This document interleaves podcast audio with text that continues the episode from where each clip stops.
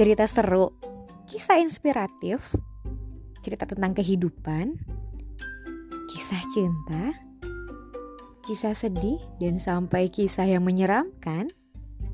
Semuanya bakalan aku bagiin di House Life Going.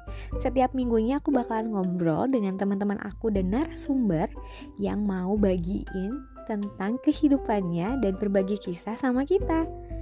Oh iya, jangan lupa ya dengerin House Life Going tiap minggunya. Dan ada juga cerita hijrah seru tentunya dari para narasumber.